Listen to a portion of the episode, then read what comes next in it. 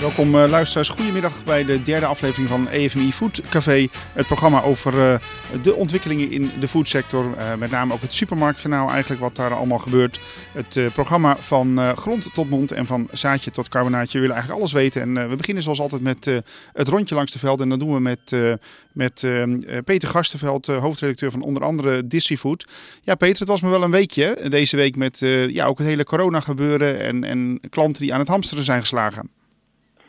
Ja, ja in, inderdaad. De, als supermarkt uh, begin je een week zonder dat je weet waar die eindigt. En we hadden natuurlijk uh, die uitbraak in Lombardije.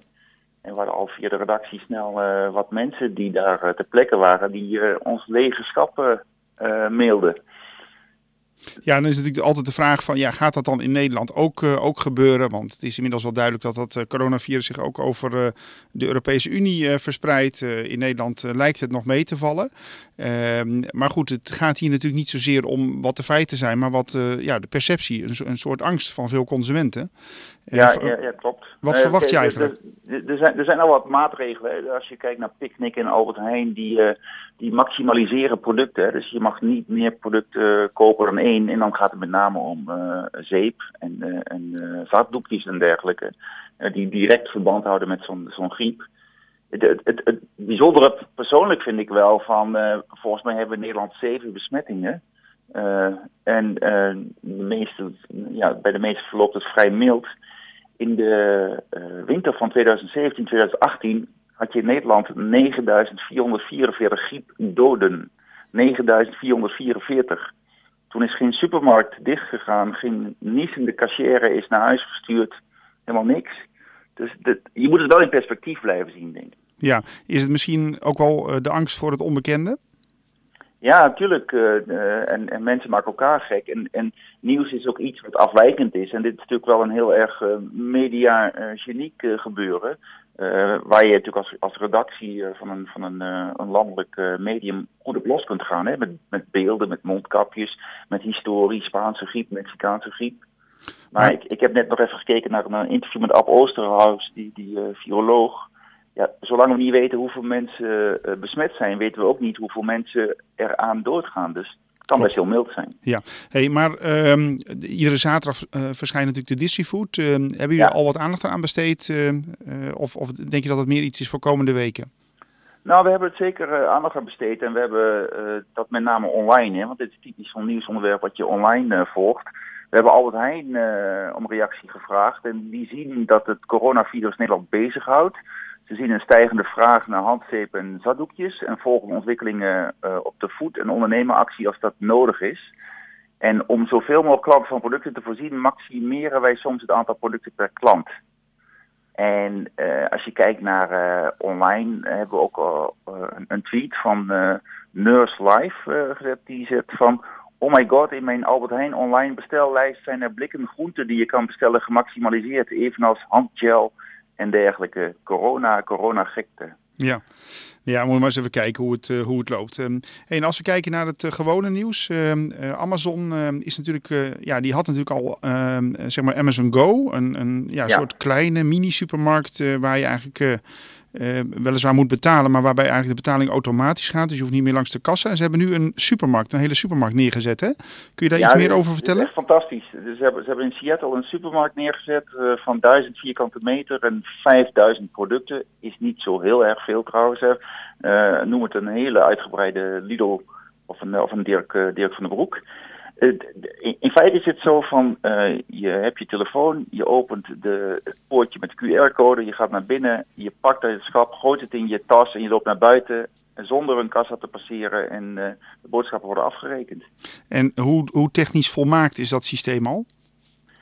Uh, nou ja, ze hebben natuurlijk al vrij veel ervaring met die Amazon Go in de gemakswinkels en daarvan hebben ze nu 27. En het is eigenlijk een, een, het omkeren van de zelfrijdende auto. Hè. Als je een zelfrijdende auto hebt, moet hij de omgeving kennen en herskennen. Dus, uh, dus hij, hij, moet heel veel dynamische dingen zien. Nou is een winkel natuurlijk een stuk makkelijker. Dus als je de techniek van een zelfrijdende auto, camera's, bewegingspatronen, producten die altijd op dezelfde plek op het schap staan, uh, gewoon ja, in, in, in een server knalt, dan is het in, in, principe niet zo heel moeilijk natuurlijk. Maar is dit dan het begin van het einde van de cachère? de cashier verandert in een, in een, in een gastvrouw zou je kunnen zeggen. Die kan, kijk, bij Jumbo zie je dat er ook kletskassa's zijn. Kassa's waar je wat langzamer doorheen kunt en een praatje kunt maken, omdat de snelle mensen kiezen voor zelfscan. Ja, maar als je nu, uh, ik noem wel tien cashiers in dienst hebt en je gaat uh, uiteindelijk over op zo'n uh, automatisch systeem van, van Amazon, en dan praat ik niet over volgend jaar, maar misschien over 10 of 15 jaar is dat de gewoonste zaak van de wereld, dan heb je denk ik niet tien gastvrouwen in dienst. Ja, klopt. Maar, en, en, en, maar ik denk dat door de IT natuurlijk een heleboel banen verdwijnen of veranderen, laat ik het zo zeggen. En uh, er zullen zeker uh, minder cashiers in Nederland uh, een plek vinden. Ja. Absoluut. Kijk, het gekke is, ehm, als je in zo'n kassaloze winkel dan boodschappen doet, dan lijkt het alsof alles heel anoniem is. Want ja, je hebt eigenlijk steeds minder persoonlijk contact. Maar de andere kant van het verhaal is natuurlijk dat er één partij is, in dit geval Amazon, die exact weet wat jij gedaan hebt. Ja, klopt. En dat is ook wel een drempel bij de invoering. Hè? Want in Nederland heb je heel veel uh, zelfscanning. En bij Albert Heijn moet je dan ook je, je bonuskaart uh, laten zien.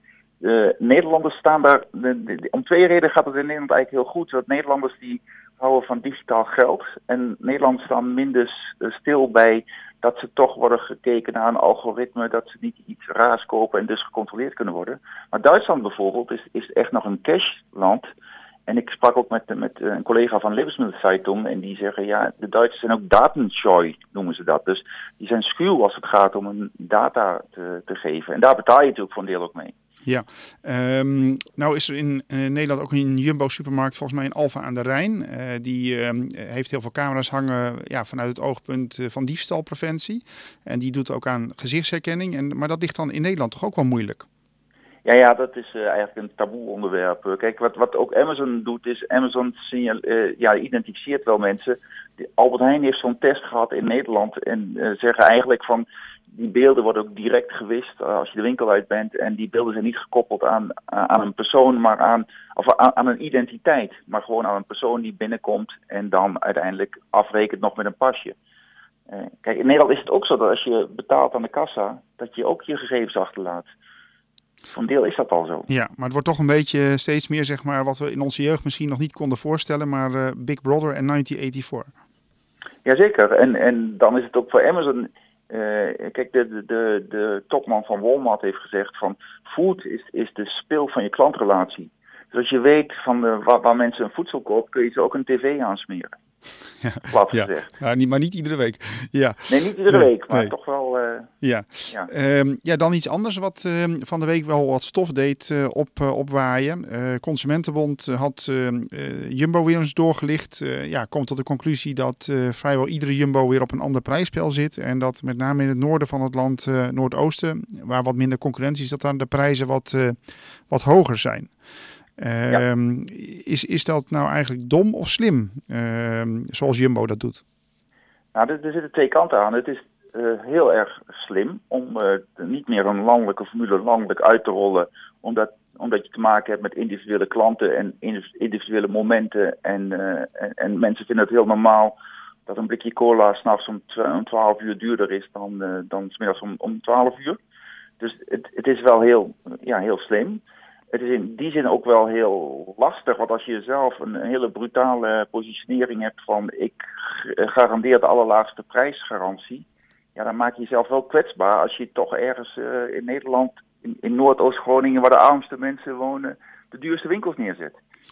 Ja, maar goed, zij zeggen wij garanderen de laagste lokale prijsgarantie. En uh, ik kan me bijvoorbeeld heel goed voorstellen dat Jumbo ook ziet dat in Groningen uh, de gemiddelde omzet per supermarkt veel lager is dan bijvoorbeeld in, in Amsterdam. Hè? En dat je ter dekking van allerlei vaste kosten toch een hogere prijs moet hanteren. Ik bedoel, dat doen Spar en Pois ook. Ja, en, en, en Plus ook. En wat interessant is, is dat Albert Heijn is zijn elektronische schaplabels aan het uitrollen.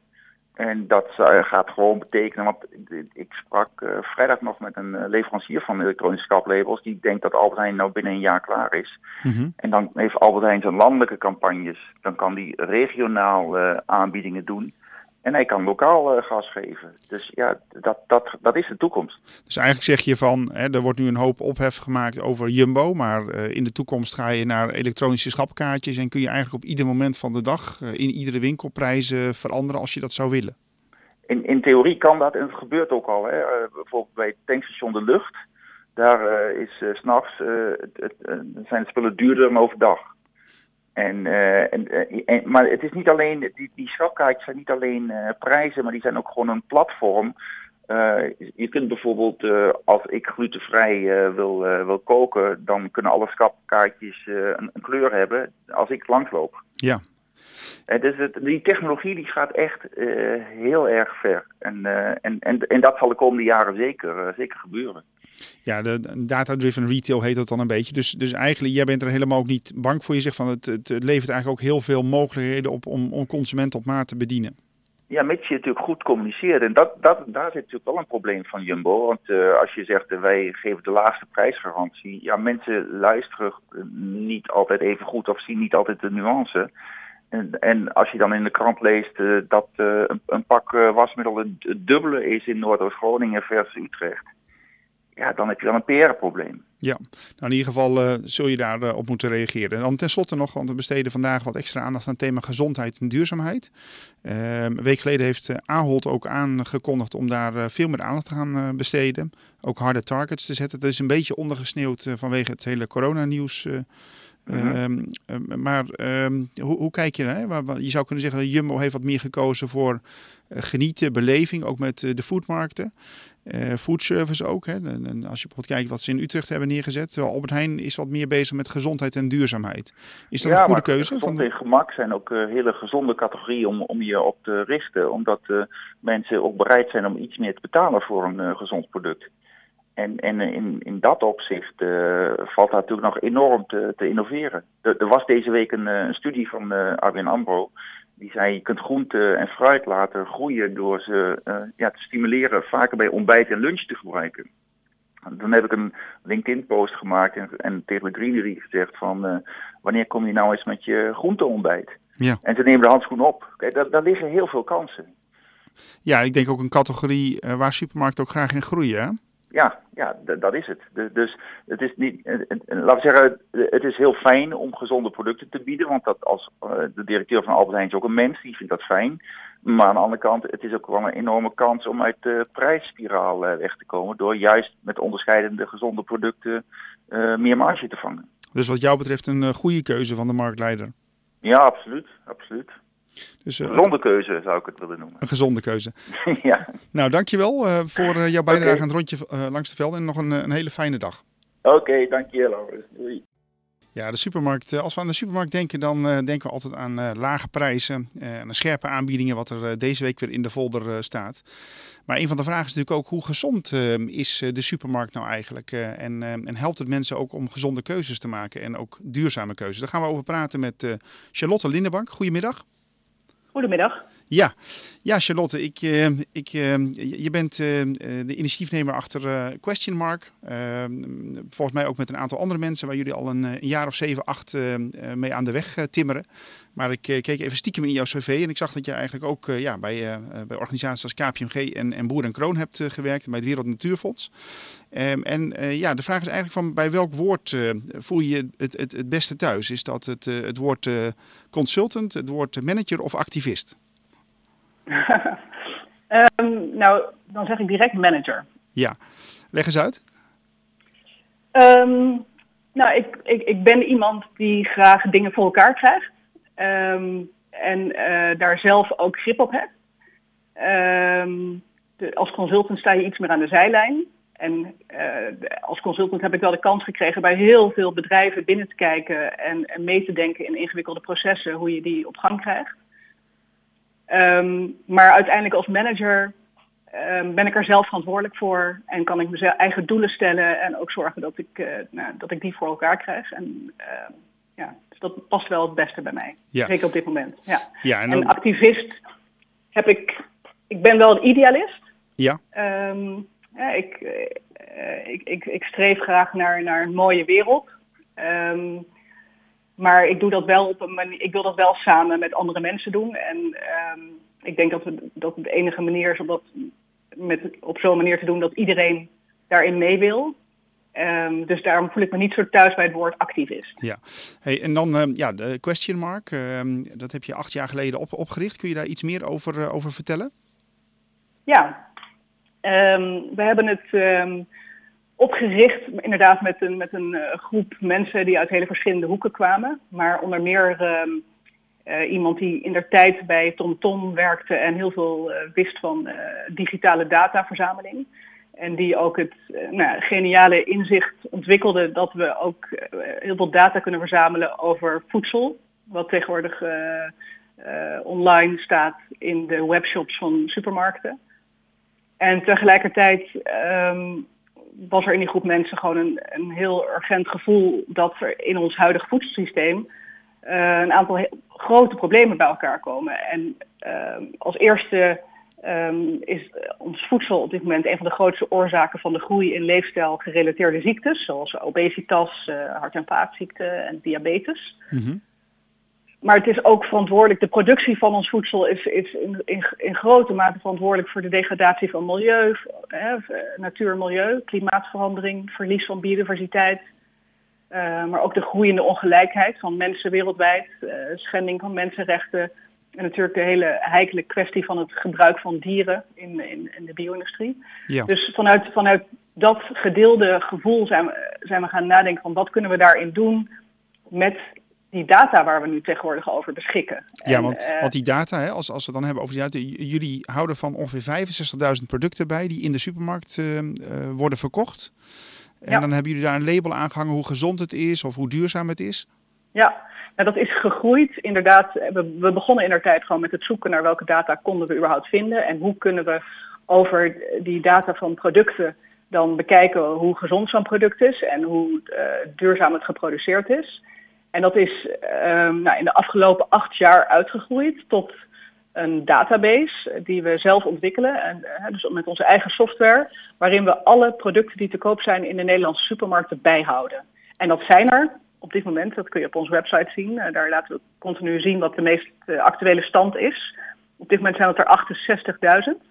Dus dat schommelt wel een beetje, want we houden gewoon continu bij wat er op dit moment koop is in de Nederlandse supermarkt. Ja, en, um, maar hoe label je dan bijvoorbeeld een product of het gezond of minder gezond is? Ja, daarvoor um, baseren wij ons op de richtlijnen van de Gezondheidsraad. Uh, en uh, van de, die door het voedingscentrum vertaald zijn in de richtlijnen van de schijf van 5. Dus wij hebben de richtlijnen van de schijf van 5 vertaald in algoritmes. Uh, die we toepassen op, onze, op al die data, op al die producten. Um, en zo kom je per product tot een uitspraak of het past binnen de schijf van 5. Uh, zo ja, dan is het gewoon gezond. En als het uh, niet past in de schijf van 5, dan kan dat in verschillende gradaties ongezond noemen. Dus je, en daarbij kan je dan het advies krijgen om een product niet vaker dan één keer per dag te eten. Of als het ongezond, wat ongezonder is, zelfs niet vaker dan één keer per week te eten. Ja, ja, ja. En zo geven wij met een uh, stoplicht kleurensysteem geven we aan hoe gezond het is. Ja, maar hoe kun je dan uiteindelijk dat gedrag van consumenten eh, beïnvloeden? Want het zal niet zo vaak voorkomen dat consumenten bijvoorbeeld met de telefoon in de winkel lopen en dan de site van uh, Question Mark aan het checken zijn. Nee, nee. En dat is ook niet eh, wat we nastreven. We hebben dat de eerste paar jaar uh, nadat we zijn opgericht, hebben we, dat, hebben we daar wel mee geëxperimenteerd. Om te kijken hè, wat voor resultaten je kan bereiken met het aanbieden van uh, zo nuttig mogelijke informatie aan consumenten, die ze heel makkelijk via hun telefoon met één oogopslag kunnen bekijken. Maar um, we kwamen al vrij snel tot de conclusie dat je het echt beïnvloeden van het gedrag van consumenten, zelfs als die consument heel graag wil, want we kregen wel heel veel enthousiaste reacties en heel veel mensen hebben onze app gedownload en die komen uh, naar onze website toe. Maar om echt het gedrag te veranderen, dat is zo moeilijk en dat is gewoon eigenlijk haast niet mogelijk. Dus dat is ook niet wat wij uh, nog naschreven, nadat we het wel even geprobeerd hebben. Ja, maar, maar jullie willen natuurlijk uiteindelijk wel graag het uh, gedrag veranderen zodanig dat mensen uh, gezondere keuzes maken, ja. waardoor ze misschien ook gezonder oud worden. Ja, ja. ja omdat we binnen ons hele verandermodel ehm, ontwikkelen en willen ontwikkelen binnen het bestaande economische systeem van vraag en aanbod hebben we ook gekeken van welke factoren spelen nou mee dat mensen ongezond eten. En dat is natuurlijk voor een groot deel ook het voedsel wat aangeboden wordt. Dus wij zijn in eerste instantie, nadat we door hadden dat we niet rechtstreeks consumentengedrag konden veranderen, zijn we ons uh, gaan richten met informatie die nuttig is voor de producenten van voedsel, zowel de A-merken als de huismerken. En zijn we ehm, onze informatie in ranglijsten gaan gieten, in, in, bench, in de vorm van benchmarks, waarin we voor een productcategorie, zoals neem jonge kaas of chocolademelk, producten zijn gaan rangschikken van het meest gezond en duurzaam naar het minst gezond en duurzaam. Waarbij we alle merken van, nou, noem chocolademelk, die te koop zijn in Nederland, op een rijtje zetten. Waardoor aan de ene kant het voor de consument nog steeds interessant is om te zien waar staat jouw favoriete chocolademelk in dat rijtje. Maar waar het vooral voor de producenten, de merken, interessant was om te zien waar zij stonden. En waarbij ze dan zelf kunnen bepalen, willen we daar staan of willen we het beter doen mhm. dan onze concurrenten XIZ. En ook dat ze de informatie kregen, wat kunnen we dan doen? Ja, ja. Is er wat minder suiker in? Of uh, zouden we met een biologisch keurmerk kunnen werken? En zodoende hebben we, uh, zijn we ons meer gaan richten op het helpen van producenten, de merken, om hun producten te verbeteren, zodat uiteindelijk consumenten daarmee ook betere producten te kunnen kopen. Dus inderdaad, uh, eigenlijk aan, aan twee kanten proberen je aan de ene kant een stukje bewustwording bij de consument en aan de andere kant fabrikanten die eigenlijk ja, producten gaan herformuleren om ze gezonder te maken. Exact, exact. En dat is wat we de, wat we de afgelopen jaren hebben gedaan. Dus we hebben de afgelopen drie jaar eigenlijk, uh, ja, om de paar maanden zijn we uitgekomen met een nieuwe ranglijst op een nieuwe productgroep. Waar we ook dachten, hè, dat specifiek productgroepen waarvan we wisten, daar, uh, daar valt echt wel wat te verbeteren. Um, en daar hebben we ook heel veel verbetering gezien. Dus we kun, hebben kun je een concreet voorbeeld geven?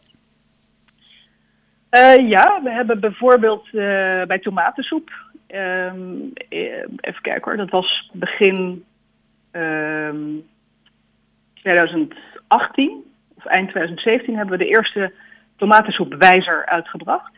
Uh, waarbij we alle zo'n rond de 30 tomatensoepen uh, te koop in Nederland op een rij hebben gezet. En um, dat hebben we een jaar later weer gedaan.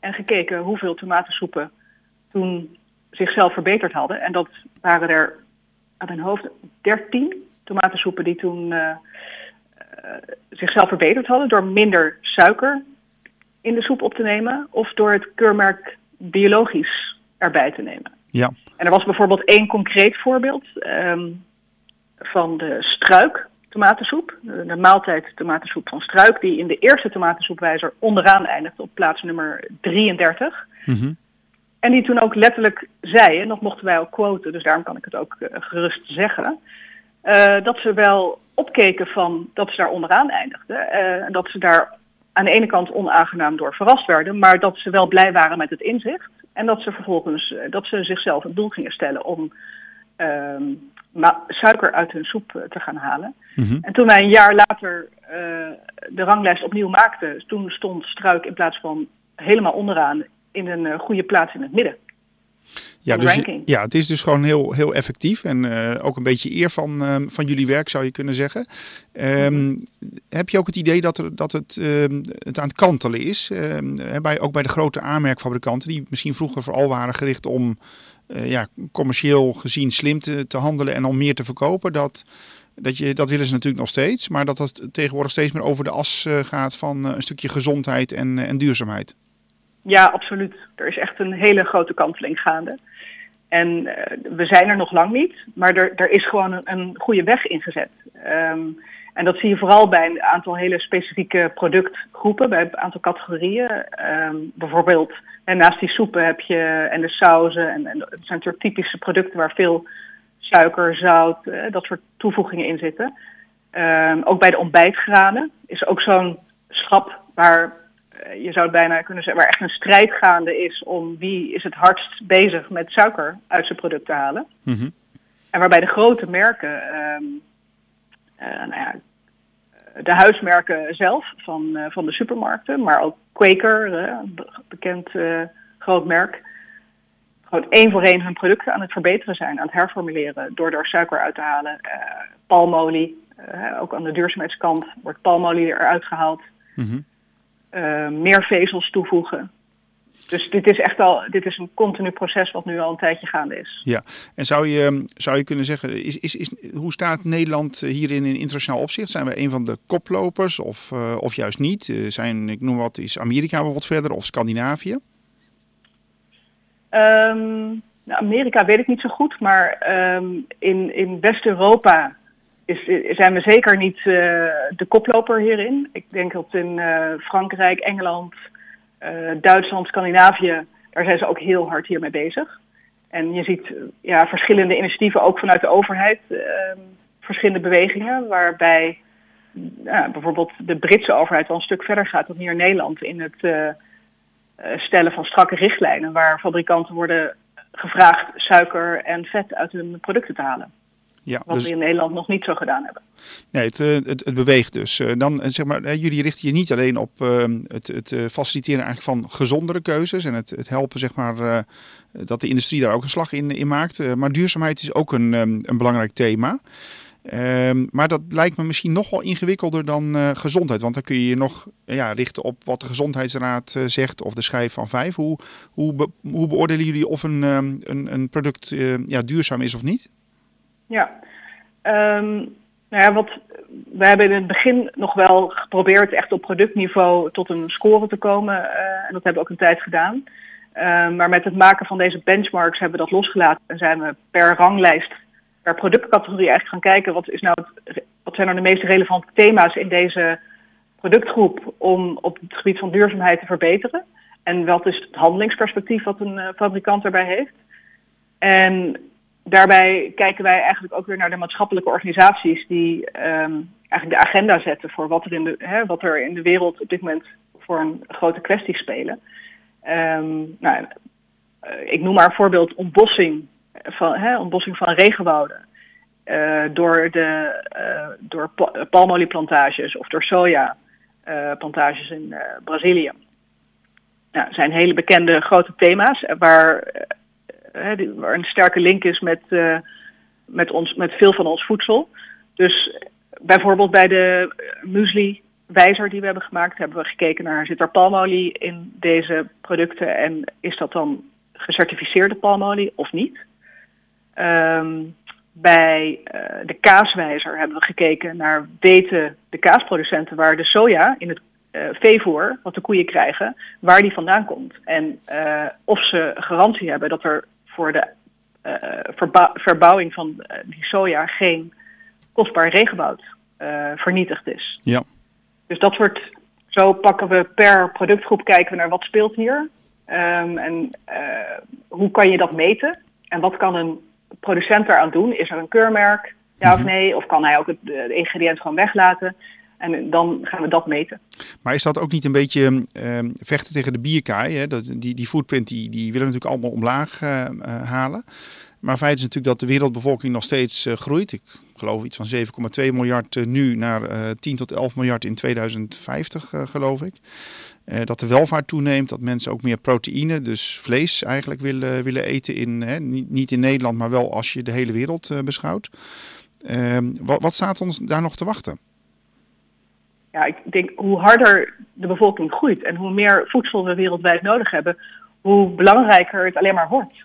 Uh, dat we op duurzame productiemethodes overgaan. Dat, dat is een hele logische optelsom. Um, als we nu niet bedenken hoe we op een duurzame manier uh, soja kunnen verbouwen of palmolie, dan um, is er straks geen, dan is het regenwoud binnen mum van tijd weg als we de hele wereld, uh, als, als, als landen als China of landen, in, landen in Afrika, vlees willen gaan eten. Mm -hmm. Op een manier waarop wij dat nu doen. Dus ten eerste ja. moeten we zorgen dat er, voor, dat er veevoer duurzaam verbouwd wordt. Eh, dat er palmolie in producten waar dat voor nodig is duurzaam verbouwd wordt. En ten tweede moeten we, wij zelf denk ik in, in westerse landen um, tot de realisatie komen en dat ook um, in de praktijk gaan brengen dat we minder dierlijke producten moeten eten. En dat als wij dat gaan doen, dat wij ook dat voorbeeld kunnen stellen naar landen die nog toe aan het groeien zijn naar het uh, welvaartsniveau waar wij nu zitten. Zou je kunnen zeggen dat op dat vlak zeg maar uh, gezondheid en duurzaamheid eh, elkaar ook raken? Uh, minder, sowieso minder eten misschien zou wat beter voor ons zijn. Wat minder vlees eten legt misschien ook wat minder druk en is dus duurzamer. Zou, is, is daar de win-win zou je kunnen zeggen? Ja, vlees is zeker een voorbeeld waar dat samenkomt. Want het wordt ook geadviseerd door eigenlijk in, in bijna alle westerse landen inmiddels wordt geadviseerd om minder vlees te eten en zeker minder rood vlees. Um, en meer groente en fruit en meer pulvruchten. Um, en dat is voor de gezondheid goed en dat is voor het milieu ook heel goed, uiteraard. Ja, ja. Dat, dat komt samen. Ja, um, nou, nou, aan de ene kant is, um, klinkt dat natuurlijk heel goed. En um, ik denk dat Brazilië ook niet het regenwoud wil wegkappen. Maar uh, in West-Europa hebben we natuurlijk dat zelf wel gedaan. Hè. Een paar honderd jaar geleden bestond Nederland nog voornamelijk uit uh, bos, uh, veengronden en moeras. Ik geloof voor 92 procent. Ja. En ja, dat hebben we allemaal weggekapt. Ik geloof nu nog voor 8 procent.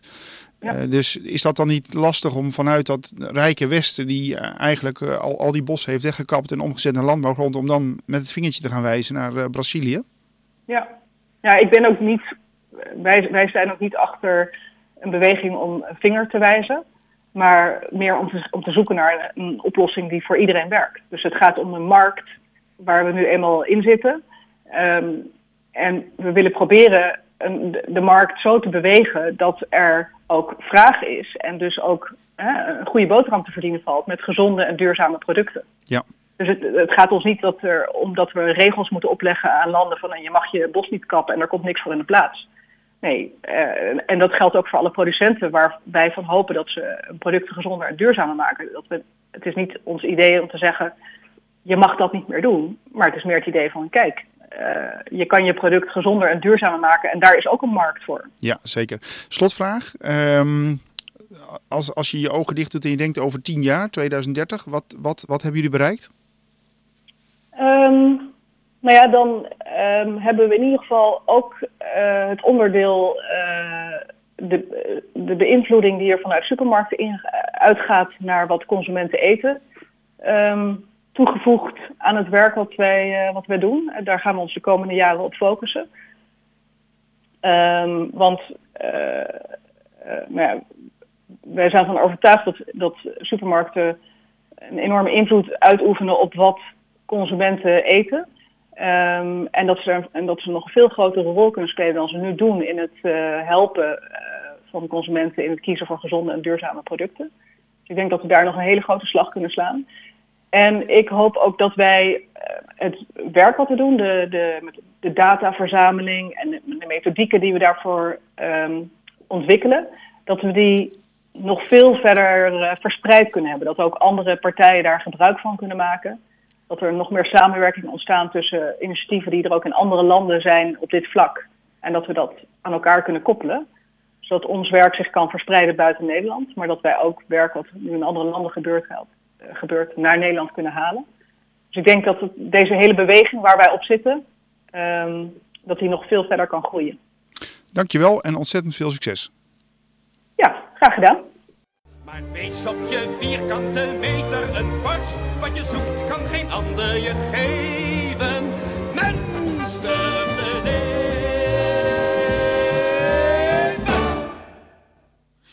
Ramses Jaffi mens durft te leven. Ja, dat uh, zal jou toch ook uh, aanspreken, Mark Soetman? Ja, ja dat, uh, dat klopt wel, Owens. Ja. Goedemiddag. Ja, we hadden net al even met Charlotte Linebank gesproken van Question Mark. ja, zij zijn enorm bezig om mensen gezonder en duurzamere keuzes te, te laten maken. Daar ben je ook wel mee bezig. Ik heb even ook jouw LinkedIn-profiel gecheckt. En dan zie je eigenlijk dat je heel veel verschillende dingen hebt gedaan. Uh, maar bij welk van de volgende drie woorden voel jij je eigenlijk het meest thuis? Uh, food innovator, columnist of barman? Food innovator. Food innovator. Leg eens uit, wat, wat, uh, want waar ben je zelf mee bezig onder andere? Ja, ja als mensen me vragen wat ik doe, is het best wel eens een keer lastig. Ik doe projecten. die hebben altijd te maken met innovatie. Ze hebben altijd te maken met voedsel en voeding. En ze hebben ook altijd te maken met innovatie. En soms met vermarkting. En daarnaast schrijf ik inderdaad ook columns, uh, maar dat is een beetje een dingetje bij. En dat barman, dat is wel heel lang geleden. ja, ja. ja, ongetwijfeld een mooie tijd. Maar, um, want je bent ook bezig met zeewierteelt, hè? Dat, dat zie jij wel als een oplossing om um, veel voedingsstoffen vast te leggen, hè? Ja, klopt. Als je probeert kringlopen te sluiten, en dat zijn we met z'n allen toch wel een beetje aan het doen, uh, dan is het best gek dat we eigenlijk altijd naar de, uh, de, de processen die op land plaatsvinden kijken.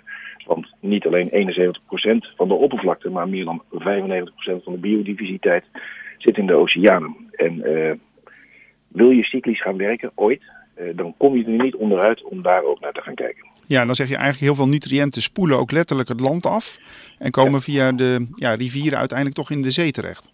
Ja, klopt. Ik heb dat een keer proberen te becijferen. becijferen. Het kwam erop neer dat er 350 miljoen kubieke kilometer uh, zoet water via rivieren wereldwijd uh, de oceanen instroomt jaarlijks. En daarin uh, opgelost, en dan heb ik alleen even gefocust op fosfaat, zat omgerekend 350 biljoen ton protoplasma. Dus alles van bomen via olifanten, walvissen, algen, wat al niet meer zijn. Ja, en dat, dat is eigenlijk natuurlijk steeds meer ook door de menselijke activiteiten en de landbouw. Uh, en met, met zeewier kun je dat dan deels eruit halen, zeg maar, dat, dat overschot aan nutriënten? Ja, ja, je, je, dat kun je proberen in ieder geval. Ja. Dus uh, de niet vervallende elementen, dus de uh, NKP heb ik het dan meestal over, hè, stikstof, maar dan wel in de werkbare variant voor een plant. Dus uh, NH3, NH4+, uh, kalium en fosfaat, dat zijn de macronutriënten voor planten. Met name die kun je proberen met de juiste hoeveelheid zeewier per gebied terug te vangen. En dat kan dan weer bijvoorbeeld gebruikt worden in bijvoorbeeld dierlijke voeding? Dierlijke voeding, menselijke voeding, je kunt er energie van maken, je kunt er bioplastics van maken die afbreken in zee. je kunt er naar allerlei kanten. Je kunt er inderdaad ook gewoon denken aan carbon capture. Uh, al dat soort dingen kunnen. Ja, nou uh, heeft minister Schouten uh, zeg maar een jaar geleden een, een, een, rapport naar buiten gebracht, of in ieder geval het ministerie, waarin eigenlijk de circulaire landbouw ehm, centraal staat. Is, eh, wat, versta jij daar eigenlijk onder, circulaire landbouw? Ehm, als niet bestaand en ook niet kunnend. De landbouw, hoe je het ook went of keert, is altijd extractie. Je haalt altijd iets weg. Als je niets oogst, dan zou je kunnen spreken van een kringlooplandbouw. Maar we oogsten wel, want we moeten zelf ook eten. Maar goed, wij, ook wij ja. scheiden weer stoffen uit. Ja, dat klopt, maar dat komt lang niet allemaal terug. Dus als je gewoon naar kijkt naar een paar hectare land, uh, en we doen daar niks mee, we, we, verbouwen er alleen iets op, of laten de koeien opgrazen, of wat we er ook mee doen. We halen er iets af, melk, vlees, of uh, gewoon je normale oogst. Nou, dat zul je altijd moeten aanvullen. En inderdaad, je hebt wel gelijk, een van de grootste lekken van het systeem is het feit dat we on, onze ontlasting, menselijke ontlasting, niet terugbrengen in de, in de cyclus. Ja, want je had het ook in het begin over kringlopen sluiten. Uh, dat kunnen ja. korte kringlopen zijn, maar dat kunnen natuurlijk ook hele lange kringlopen zijn. Waar, waar zit in jouw ogen de meeste winst? ja, dat is een lastige. Uh, uiteindelijk denk ik dat je met de lange kringlopen het, uh, het beste uh, resultaat gaat boeken. Ja, en dat is bij wijze van spreken, er, er, er, zijn hier heel veel varkens. Uh, en en die, uh, die, die, die, die, dat zorgt eigenlijk voor allerlei afvalstoffen. Die zouden eigenlijk weer richting Afrika geëxporteerd moeten worden om daar de grond te verrijken. Ja, dat klopt. De Afrika is inderdaad het armste continent als je kijkt naar nutriënten. We denken altijd dat water daar het grootste probleem is. Nou, nee, dat is niet zo. Dat is wel, degelijk ook een probleem. Maar nutriënten zijn het grootste probleem van het continent. Maar ja, je moet ze eigenlijk terugbrengen waar je ze vandaan haalt. En in het geval van varkens is dat uh, graan uit Noord-Amerika en uh, soja uit Zuid-Amerika. Dus daar haal je nutriënten weg. We noemen dat uh, de one-way conveyor belt. Ja, en dat wordt nu natuurlijk nog vaak met kunstmest aangevuld. In Nederland heel weinig, omdat wij nou eenmaal dat mestoverschot hebben. Dus eigenlijk op in een beetje bijsturen van, van N naar K naar P wordt kunstmest toegepast. Uh, wij hebben het simpelweg niet nodig. Wij hebben het omgekeerde probleem hier van de hele wereld. Namelijk een nutriëntenoverschot. Ja, maar ik bedoel uiteraard ook dat, uh, dat een Amerika zeg maar, dat oplost met kunst, uh, kunstmest. Om, om dat ja, graan en mais te... Ja. Um, nou, nou, je schreef vorige week een interessante column over een eerlijke prijs. Daar wordt heel veel over gediscussieerd. met name zeg maar, de boeren vinden dat ze geen eerlijke prijs ontvangen. Waardoor hun inkomen te schaars is. Mm -hmm. um, hoe kijk jij tegen het fenomeen eerlijke prijs aan? Ja, ja, je hebt het gelezen. Dus uh, um, het is ook weer iets wat niet bestaat. Uh, wat is dan een eerlijke prijs? Wat is, als ik een auto koop, is dan 20.000 euro een eerlijke prijs of 60.000? Of, we hebben van alles. En een eerlijke prijs bestaat niet. Die wordt gewoon gevormd in, in, in een marktsituatie. En het vervelende van voedsel is dat we na 1945 met z'n allen besloten hebben dat we geen honger meer willen lijden. Dat betekent dat, uh, dat er een, een, beperkte mate van overproductie in stand gehouden is. Dat is met het EU-beleid gedaan. Uh, en dat betekent dat prijzen onder druk komen te staan. Ja. En ja, wie is daar schuld aan? Ja, een goede vraag. Wij met z'n allen, zou je kunnen zeggen. Uh, ja, de vraag is natuurlijk van... is het ook niet makkelijk. Ja, en een eerlijke prijs, je zou ook kunnen zeggen, uh, levensmiddelen zijn vrij goedkoop. En, en zeker ook in Nederland. En dat betekent dat uh, ook mensen met een gering inkomen uh, toch goed voedsel kunnen kopen. Is ook Eh, eerlijk. ja, je, je zou het kunnen relateren aan inkomen. Dat kan. Eh, dat betekent dat je fluctuerende prijzen krijgt eh, voor die, diezelfde bloemkool voor een miljonair kost eh, 15 euro. En voor een, iemand in, in, de restbijst, in de bijstand eh, 50 cent. Dat kan. Ik weet niet hoe je moet regelen, maar dat zou een hele redelijk eerlijke prijs zijn aan die kant van het verhaal. Ja, ik, ik weet dat, hier moet ik nog even goed over nadenken, Mark. Of, of zo, ja, je kunt ook Nee, zeggen, ja, niet, niet uitvoerbaar natuurlijk, maar het fenomeen eerlijke prijs bestaat gewoon niet. Nee. Maar laat ik zo zeggen, boeren willen vooral graag ook een hogere prijs. Ik denk, ik denk dat ze niet zozeer, want, want voor hetzelfde geld is een eerlijkere prijs een lagere prijs voor een bepaald product. Maar dat willen ze denk ik niet. Ze willen denk ik vooral een hogere opbrengsprijs. Is dat dan Ja. niet de oplossing? Eh, ja, dat kan, maar dat moeten we dan wereldwijd afspreken. Want eh, hier in Nederland bepalen wij de prijs van eh, granen niet. Of, of varkensvlees, of melk. Of... Wij zijn onderdeel van de wereldproductie. En die prijs wordt op de wereldmarkt bepaald. Dus even los van de specialiteiten, dus de, de hele speciale kazen. In Nederland zou dat kunnen de Hemeke bijvoorbeeld. Die hebben een eigen niche. Dus dat is geen commodity, geen eh, wereldmarkt, maar een eigen markt. Maar de rest wordt bepaald door de wereldmarkt. Dus eh, dan kun je hier wel roepen, wij willen een hogere prijs. Maar als Duitsland niet, dat niet wil betalen, of niet gaat betalen, of China, of waar we ook heen gaan eh, met, eh, met onze producten, dan gaat het dus niet. Ja, voor je het weet eh, heb je dan een enorm subsidiestelsel feitelijk ingesteld. Ja, dat hebben we al. Dat heet het, het eh, GLD. Ja, maar dan zou, je, dan zou je dat ook op Nederlands niveau bijvoorbeeld moeten doen. Dat, ik noem wat, de, de, de, de kippenhouders per ei 2 cent extra krijgen. Dat soort zaken. Ja, dan krijg je oneerlijke concurrentie vanuit je binnenlandse markt naar buiten. Dat is waar de boeren over klagen, en dat snap ik ook wel deels. Er worden hier extra eisen gesteld op milieuvlak. Eh, komt ook omdat er inderdaad ontzettend veel veeteelt hier is. Ehm, en die eisen die, die leiden tot hogere kostprijzen. En dat maakt het weer lastig om op de wereldmarkt te kunnen concurreren. Dat snap ik. Eh, maar ja, we zijn nou helemaal onderdeel van dat stelsel, van, van een Europees stelsel. En om het nog complexer te maken naast de GLB, om daar nationaal iets in te gaan doen, denk ik dat je eerst een exit moet eh, hebben. Ja, dus dat zal inderdaad lastig gaan eh, binnen de EU. En, maar misschien dat de EU zelf ook stappen zou kunnen, kunnen maken. Eh, Nou is natuurlijk altijd wel de vraag, heel veel boeren zijn feitelijk zelfstandig ondernemers. Ehm, Ja. Dat eh, pakt soms goed uit, eh, soms wat, eh, wat minder goed. Eh, ik kan, eh, wat, wat ik als econoom moeilijk kan begrijpen is, stel bijvoorbeeld eh, eh, wij willen een, een, een prijspremie van 10% voor een liter melk eh, betalen, financieren. Dan is het natuurlijk toch vaak dat ja, de betere boeren die investeren dan gewoon in een extra stal. Ja. Eh, en voor je het weet, eh, eh, ja, werk je eigenlijk in- juist een enorme overproductie in de hand. Ja, dat klopt. Dat is natuurlijk het, het grote nadeel van überhaupt subsidies, welke subsidie dan ook. We hebben ooit een keer in Nederland gekozen dat we hypotheekrente mochten aftrekken. En dat dan over een langere periode. En dat heeft geleid tot uiteindelijk gewoon een hogere prijs gemiddeld genomen voor een huis in Nederland ten opzichte van ergens anders. Ja. De subsidie helpt alleen maar als je het kortstondig gebruikt. En in dit geval zijn het geen subsidies, maar eigenlijk langlopende vergoedingen. GLB is langlopend. Ehm, en dat geeft gewoon een ander prijsniveau totaal in je markt. En als we dat nu een keer weer gaan doen voor mel- melk eh, op de binnenlandse markt, krijg je dat weer. Ja, maar toch, hè, in Nederland is er een enorme discussie over eh, onder andere de stikstof, ook de fosfaten, ook de CO2-uitstoot. En eh, boeren die, die moeten van alles. Eh, die, die zien een hoop regelgeving ook over zich heen eh, komen en ook een, een hoop eh, ja, mogelijke verboden. Ja. Hoe, hoe kijk je daar dan tegenaan? Want aan de ene kant, hè, de, ik, want ik volg je wel een beetje, zeg, zeg je ook vaak van ja, we eten misschien wel te veel vlees, er is te veel uitstoot. Dus dat moet terug. Aan de andere kant gun jij die boer ook een eerlijk inkomen. Ja, ik gun ze van alles. Alleen hoe je daar moet komen is nog een tweede. Ehm, als je, nou, je moet dan wel twee dingen uit elkaar trekken. De, de wereldschaal waarop je dingen wil doen of de nationale schaal waarop je dingen wil doen.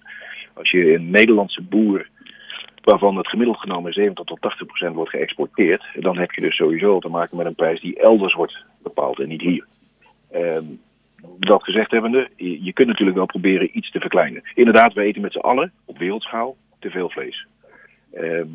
Ligt er een beetje aan hoe je naar veeteelt wil kijken. Als je wil kijken als onderdeel van landbouw, eh, laten we het dan maar eens een keer weer kringlooplandbouw noemen, dan zul je een bepaalde mate van veeteelt nodig hebben om te komen tot een wat meer gesloten systeem. Helemaal gesloten wordt het nooit.